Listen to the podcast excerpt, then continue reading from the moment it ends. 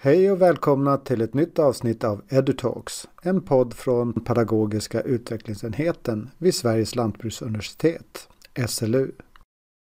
Jag heter Jan Stockfors och i dagens avsnitt samtalar jag med min kollega Ann Grubbström om hennes arbete kring genus och jämställdhet bland våra studenter.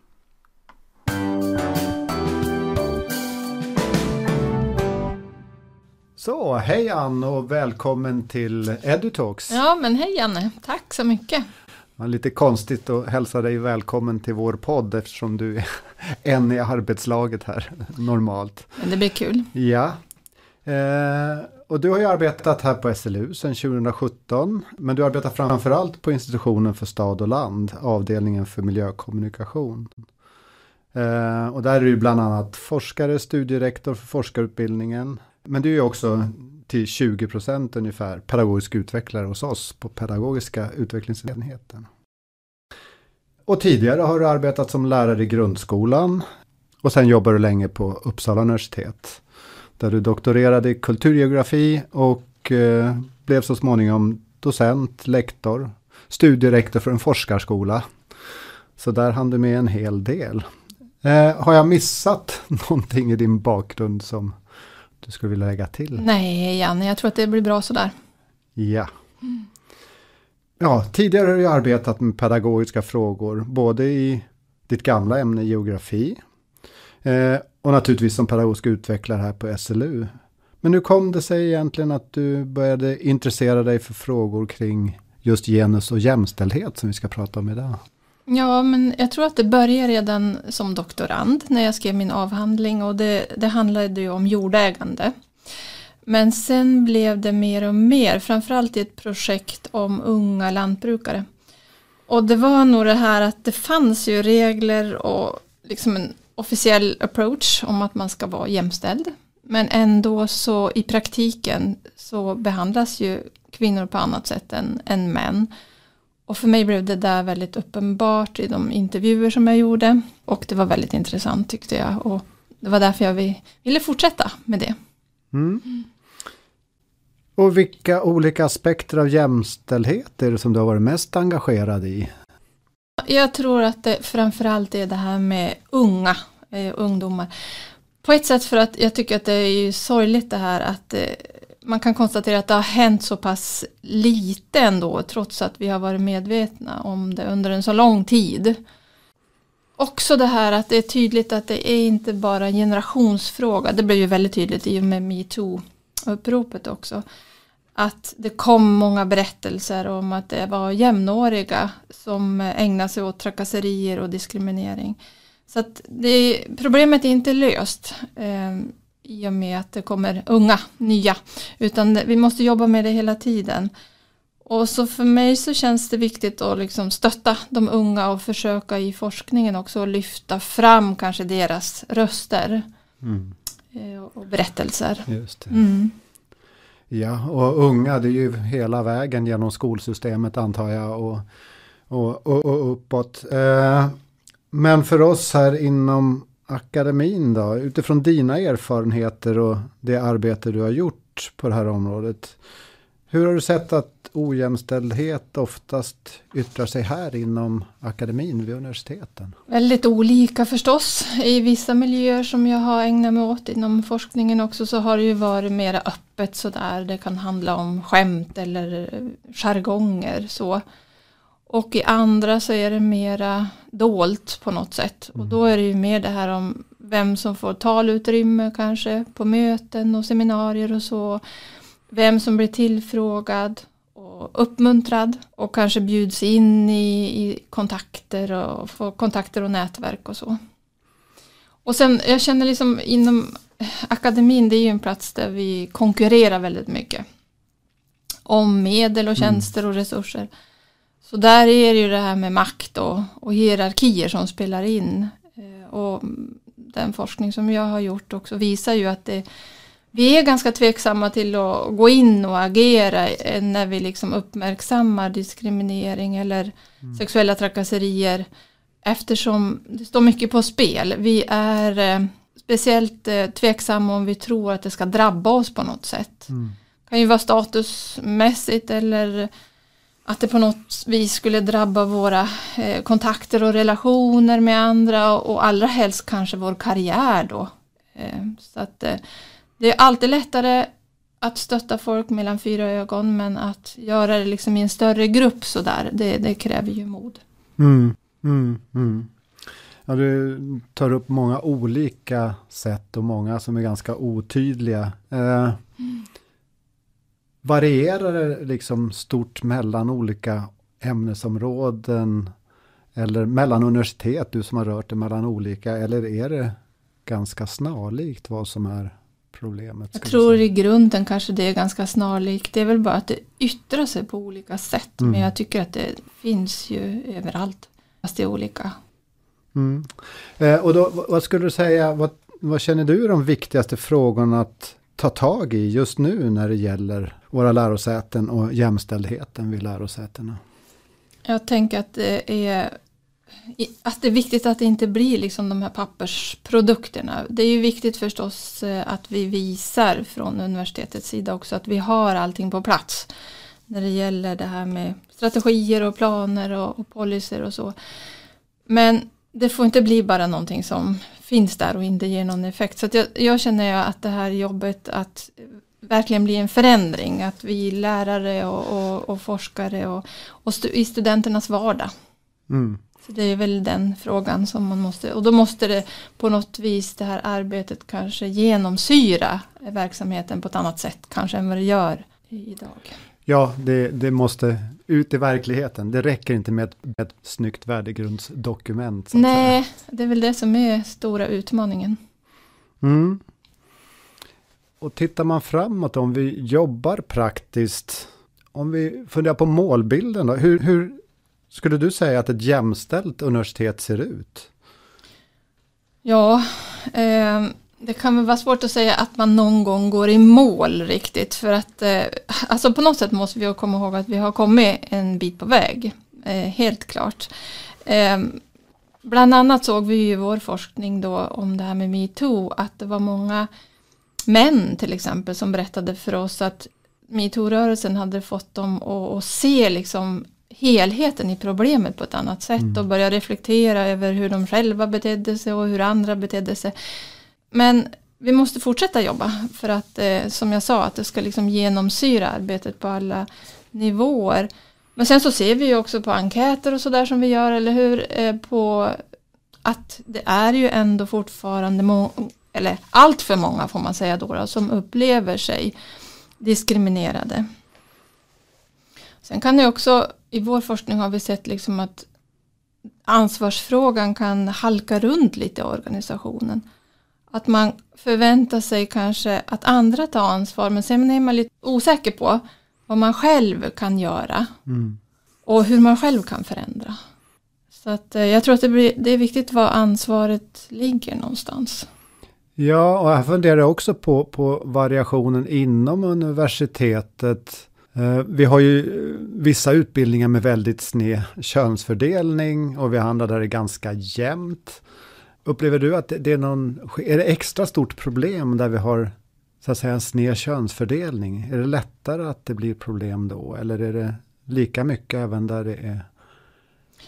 Återigen så kanske det är på lite olika sätt. Mm. Eh, att det kan yttra sig lite mer öppet eh, i, i, vissa av de eh, miljöerna som jag har i alla fall jobbat med. Så har det varit lite mer öppet hur, gällande skämt och jargong och sådär. Där det har varit väldigt mansdominerat till exempel. Du har kanske jobbat mer med ja, som veterinärprogrammet till exempel eller andra program där det har varit mer kvinnodominerat. Jag har inte varit inne så mycket i veterinärprogrammet men som du säger där har vi ju väldigt kvinnodominerat program. Ja. Samtidigt då tittar man historiskt så är det ju ett område som var totalt mansdominerat en gång i tiden. Precis, det är spännande. Men mm. som då med tiden har glidit över till att bli kvinnodominerat. Mm. Och det är en intressant fråga i sig, hur går en sån process till? Precis, och det handlar ju, kan ju handla en hel del om, om lön och, och, och status i samhället och så vidare. Ja. Med olika Ja, yrken. det skulle vara intressant att gräva djupare i mm. hur en sån process ser ut. Ja, vi kanske ska gå över och fokusera mer på studenterna. Det finns ju mycket att säga om jämställdhet på universiteten på forskningssidan och, och kanske som en personalfråga också. Men om vi fokuserar lite mer på våra studenter. Och där kan man ju, som vi lite var inne på när vi pratade om mansdominerat eller kvinnodominerat, man kan ju studera jämställdhet med siffror och statistik. Men som du har varit inne på, den, den problematik vi ser kring hur våra studenter mår och utvecklas handlar ofta om mer svårfångade faktorer som attityder, gruppgemenskap, hierarkier, tystnadskultur. Om vi tittar just på studenterna, vad ser du som de mest aktuella frågorna när det gäller jämställdhet där i våra studentgrupper? Jag håller helt med dig där och, och vår forskning visar ju att det är just de här aspekterna som har varit viktiga då för att förklara varför diskriminering och sexuella trakasserier liksom har kunnat fortsätta i vissa miljöer. Och det kan ju vara exempelvis det här du tog upp med hierarkier där ofta då yngre studenter som kommer in anpassar sig till äldre studenters eh, beteende. Och det kan vara ganska svårt om man kommer in, det vet man ju själv när man börjar någonstans, att eh, ifrågasätta eh, saker och ting när man börjar ny på en utbildning. Och man kanske kan hamna i en situation där man eh, accepterar sånt som man kanske hade ifrågasatt i andra sammanhang. Så. Och det kan handla till exempel om beteenden på en studentfest eller, mm. eller någonting sånt. Eh, så att jo, men jag tycker att det är ju viktigt med statistik. Eh, men det behövs också sådana här studier som, som då visar på något vis erfarenheter och, eh, och kan visa helheten för, en, för kvinnor till exempel, ja. deras situation. För vi kanske bara hör ett skämt här eller där men vi, vi förstår mm. inte riktigt helheten i den eh, upplevelse som kvinnorna kanske har. Mm, mm. Ja, men där tror jag du sätter fingret på något viktigt. För tänker jag själv när jag ska in i ett nytt sammanhang, en ny grupp, så tycker jag initialt är det mycket att jag lyssnar. Vad gäller här? Hur, hur ja. pratar man här? Och, och hur förhåller man sig till varandra i det här sammanhanget? Och sen att försöka liksom haka på och, och fungera i den här gruppen. Och ja. då kan det bli svårare kanske att se vad som fungerar och inte fungerar eh, i början. Ja. Eh, och du nämnde här förut lite möjliga orsaker till att institutioner eller lärare inte tar tag i sådana här problem. Att, att det kan finnas risker med det att, på olika sätt.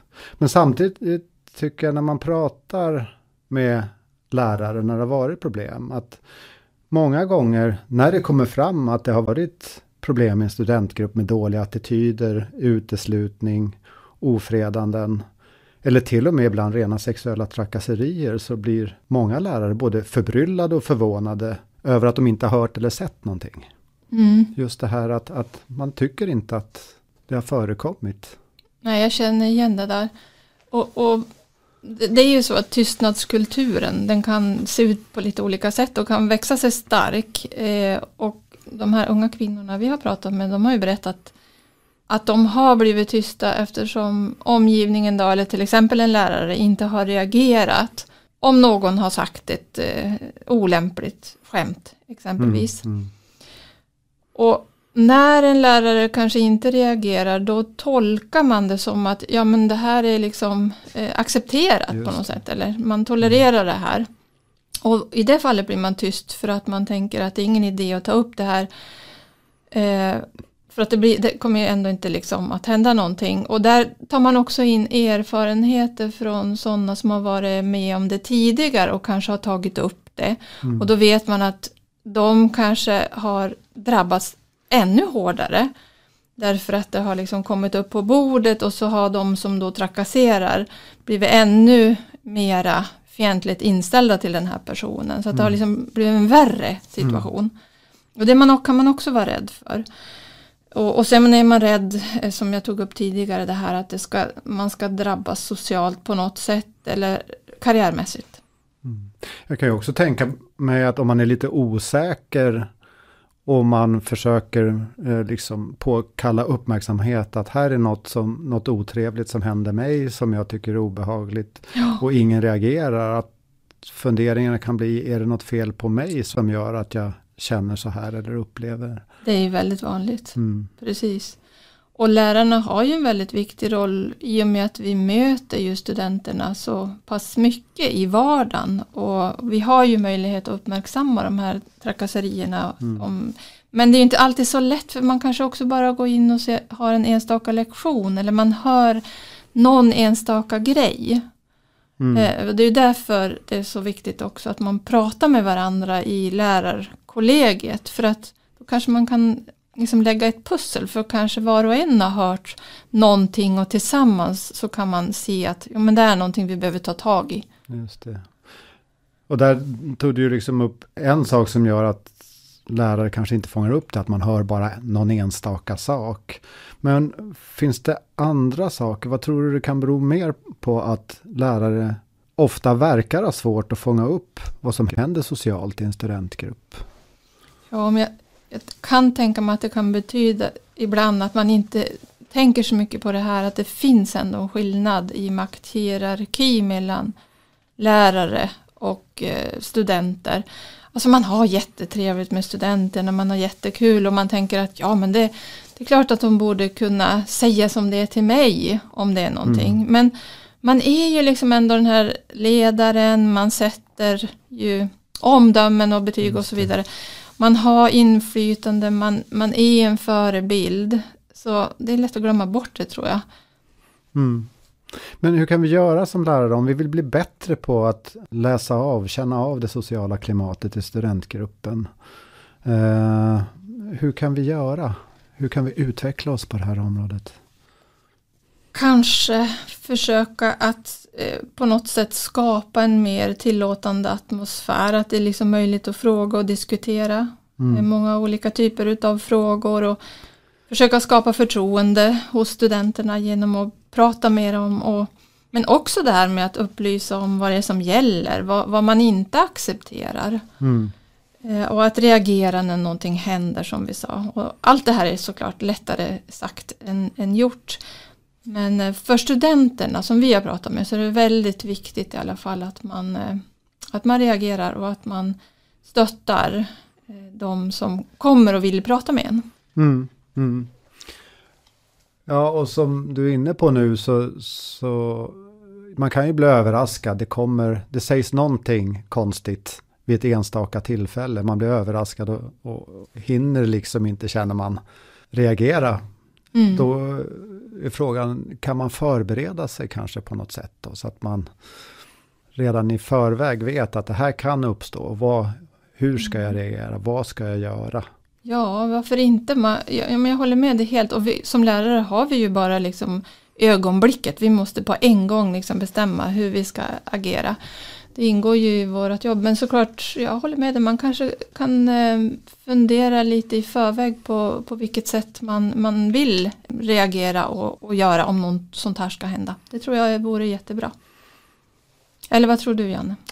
Ja, på något sätt så, så tror jag att man behöver vara förberedd.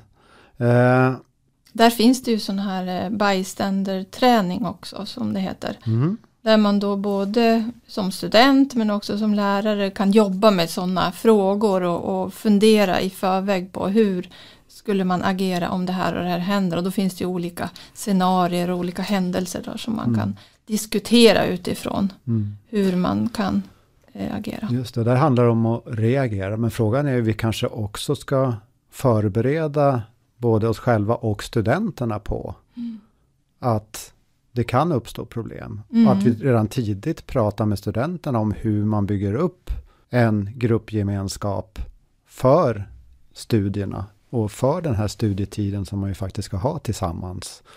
Och hjälpa dem att från början bygga upp en bra gruppgemenskap. Verkligen. Det, har, det tror jag på. Mm. Men sen då om vi som lärare, trots att det är svårt, Mm. upptäcker att, att eh, i gruppen finns det inte en riktigt fungerande studiemiljö.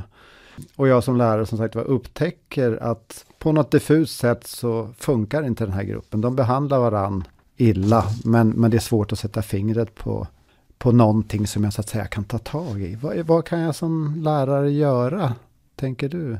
Ja, jag tänker först också att jag vill bara säga det här att man ser ju att i vår forskning i alla fall att det är ganska mycket som äger rum utanför själva eh, klassrummet om man säger mm, så, som påverkar inne i klassrummet också. Yeah. Och det kan ju handla om sociala medier, studentkåren och så. Och det här kan vi förstås väldigt svårt för oss att styra som lärare. Men jag tror att det är viktigt att det finns ett eh, tätt samarbete där mellan liksom, kåren och, och eh, universitetet och lärare. Eh, men så att man får vetskap om om det finns liksom olämpligt beteende. För det här kan ju göra då att man kanske inte förstår varför vill de inte diskutera i den här gruppen mm. eller varför mm. är den här personen väldigt tyst eller varför blev det inte något bra nu när jag har planerat det här temat och vi skulle göra det här men det, det blev ingen respons på det och då kan det ju påverka så mycket sådana här händelser som har, har skett utanför. För att man vill undvika vissa personer. En del kan berätta om att ja men jag törs inte ställa de frågor som jag egentligen vill ställa för då anses jag jobbig eller eh, mm. ja man har fått den typen av kommentarer. Mm. Mm. Så att jag, jag, tänker att det är eh, viktigt att fundera kring det. Att förstå att det är mycket annat som påverkar. Just det. Men, men nu får jag bort från din fråga tror jag kanske, men ja. Eh, ja, men jag tänkte snarare där, det är en viktig poäng det här att det är naturligtvis så att det som händer utanför klassrummet och utanför universitetet spelar in mm. ganska mycket också. Mm. Det är ju där man så att säga bygger upp sina sociala nätverk och så. Men om det nu är framförallt utanför universitetet som det dåliga beteendet kommer till ytan. Är, vad skulle du säga, vad är min roll som lärare då? Har jag egentligen något ansvar för det som händer helt utanför universitetet? Ja, och den frågan kan man ju ställa sig och det har eh, lärare också pratat om i de här intervjuerna vi har gjort. Att man, man kanske har tänkt så tidigare men sen börjar tänka om i och med att man inser att, att det har att man själv har en sån stor roll i hur man kan hjälpa ändå studenterna att utveckla som du säger ett bra sätt att förhålla sig till varandra, att mm. kunna lyssna mm. på varandra, att kunna lyssna till andra perspektiv mm. eh, på saker. Och ha en, eh, en god kommunikation mm. i gruppen. Och då känns det ju också som att det blir ett extra ansvar för kurser och lärare som är inblandade till exempel i början av ett program när, när de här grupperna ska formeras och det här klimatet börjar byggas upp. Och likadant hur vi samarbetar och, och relaterar till varann. Mm. Så frågan är vad, hur ska vi hantera det? Mm. Ja, kanske behöver vi ha någon slags strategi som du säger när mm. vi startar upp med en grupp. Att, mm. att ha de här tankarna med oss. Mm. Eh, hur vi ska Ja, det kan ju vara små saker också som att variera gruppsammansättning och att vara uppmärksam på eh, hur det utvecklar sig i gruppen och, mm. och ha, som vi sa tidigare, en dialog med andra lärare. Mm. Också det jag sa också tidigare tror jag, att vara tydlig med också vad som inte accepteras. Mm. mm. Ja, och det, och det, hänger samman med det som jag var med och diskuterade eh, om andra områden också. Till just det här att när studenterna kommer nya till universitetet. Det är en sån viktig period. Eh, och i andra sammanhang har vi pratat om det här med att tidigt exponera studenter för olika arbetssätt. Mm. Så att man inte skolas in i att på universitetet så jobbar man så här och så gör man det kurs efter kurs och sen plötsligt kommer en kurs som jobbar på ett annat sätt. Mm. Om man som student börjar ifrågasätta det, för det är inte så här man har lärt sig att det är på universitetet. Mm. Och att man då tidigt börjar jobba kanske med olika arbetssätt och kommer in i eh, hela vidden av att vara eh, student på universitetet. Mm. Och just det här eh, sociala kanske det gäller att vi medvetet jobbar med också då här. Hur beter man sig mot varandra och hur får vi en grupp att fungera på ett bra sätt så att vi kan lära oss så mycket som möjligt. Precis, för det är ju en förutsättning för att vi också ska ta till oss kunskap och att vi ska vara engagerade i undervisningen. Och, mm. Mm. Och, och, nu har vi ju det här samtalet ska ju handla om, om jämställdhet och vi har pratat lite i allmänhet om studenter som på olika sätt beter sig illa mot andra studenter i det här sammanhanget. Och då framförallt när det handlar om studenter av olika kön. Men det kan ju samtidigt finnas helt andra spänningar i en studentgrupp och andra dimensioner som också kan framkalla dåligt beteende. Eh, på våra pedagogiska kurser för lärare tar vi upp hur olika diskrimineringsgrunder kan samverka och motverka varandra, det här som kallas intersektionalitet. Men något som jag kan höra talas om, eller som jag hör talas om allt oftare, är ju andra typer av spänningar och konflikter och motsättningar i studentgrupper. Eh, det kan vara att man har ett gäng väldigt natur och miljövårdsengagerade studenter i en grupp. Samtidigt har man en annan grupp som är helt produktionsinriktad. Man har liksom olika ingång till kursen och programmet man går. Eh, det kan vara att vi har en grupp veganer och djurrättsaktivister som går en kurs eller ett program. Samtidigt som vi har studenter från lantbrukarfamiljer som kommer från kött och mjölkgårdar. Eh, och att det uppstår spänningar, vi och dem känslor så att säga inom eh, en studentgrupp. Eller helt enkelt det klassiska att du har grupperingar med vänsterinriktade studenter eller högerinriktade studenter. Från dina erfarenheter sett, har du någon känsla av att den här typen av, vad ska man kalla det, ideologiska spänningar eller gruppidentiteter kan samverka med diskriminerings och jämställdhetsproblematik? Jo, men absolut, det har vi sett. Eh, vi såg att det var fler kvinnor till exempel som var intresserade av miljöfrågor. Och eh, fler män som var inriktade på produktion och det här handlade ju om skog då. då. Och där kunde det då också yttra sig som trakasserier mot kvinnor eh, i och med att det blev en polarisering mellan det här mm, mm. med miljö och produktion. Och det finns ju många andra aspekter också, det här med studenter som kommer från landsbygden eller från stan och sådär. Man har ju många förutfattade tankar om andra människor och när det blir väldigt mycket diskussioner kring det här så tror jag också att det, det rör liksom deras identitet. På något mm, det är så personligt. Ja. Och det är det som upprör och, och gör att det blir väldigt eh, känsligt. Mm, mm. Och sen har vi ju människor i oss, förmodligen evolutionärt det här att man vill ha en stark vi-grupp. Ja. Och då blir det att det måste finnas en dom. Ja. Grupp också. Och sen kan det då utvecklas i vissa miljöer någon slags stämning där det här uttrycks, liksom tillåts mm. uttryckas mm, mm. Eh, på ett sätt som ju inte är eh, okej okay då. Mm, mm. Men vad tror du vi som arbetar inom högre utbildning kan ha för då mer långsiktiga strategier för att hantera olika värderingar, ideologier och grupperingar som kan finnas bland studenterna? Det är ju ganska komplext med olika vi och dom-känslor som kan uppstå. Och samtidigt så känns det som att det här måste ju få finnas i gruppen och kanske till och med kan vara värdefullt.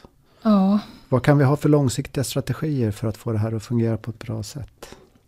Jag tror att vi har varit inne på en del redan men jag tänker att det är viktigt att hela tiden påminnas om hur man vill ha kommunikationen i undervisningen och att det ska vara respekt och, och, öppenhet och att man visar intresse för varandras perspektiv och, och så.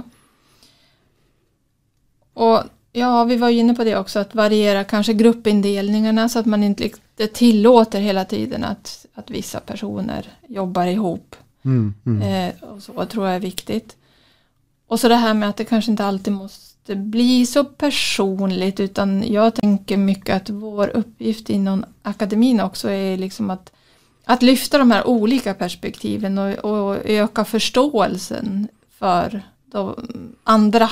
Det gruppen och hur de eh, upplever saker, hur de tänker. Mm.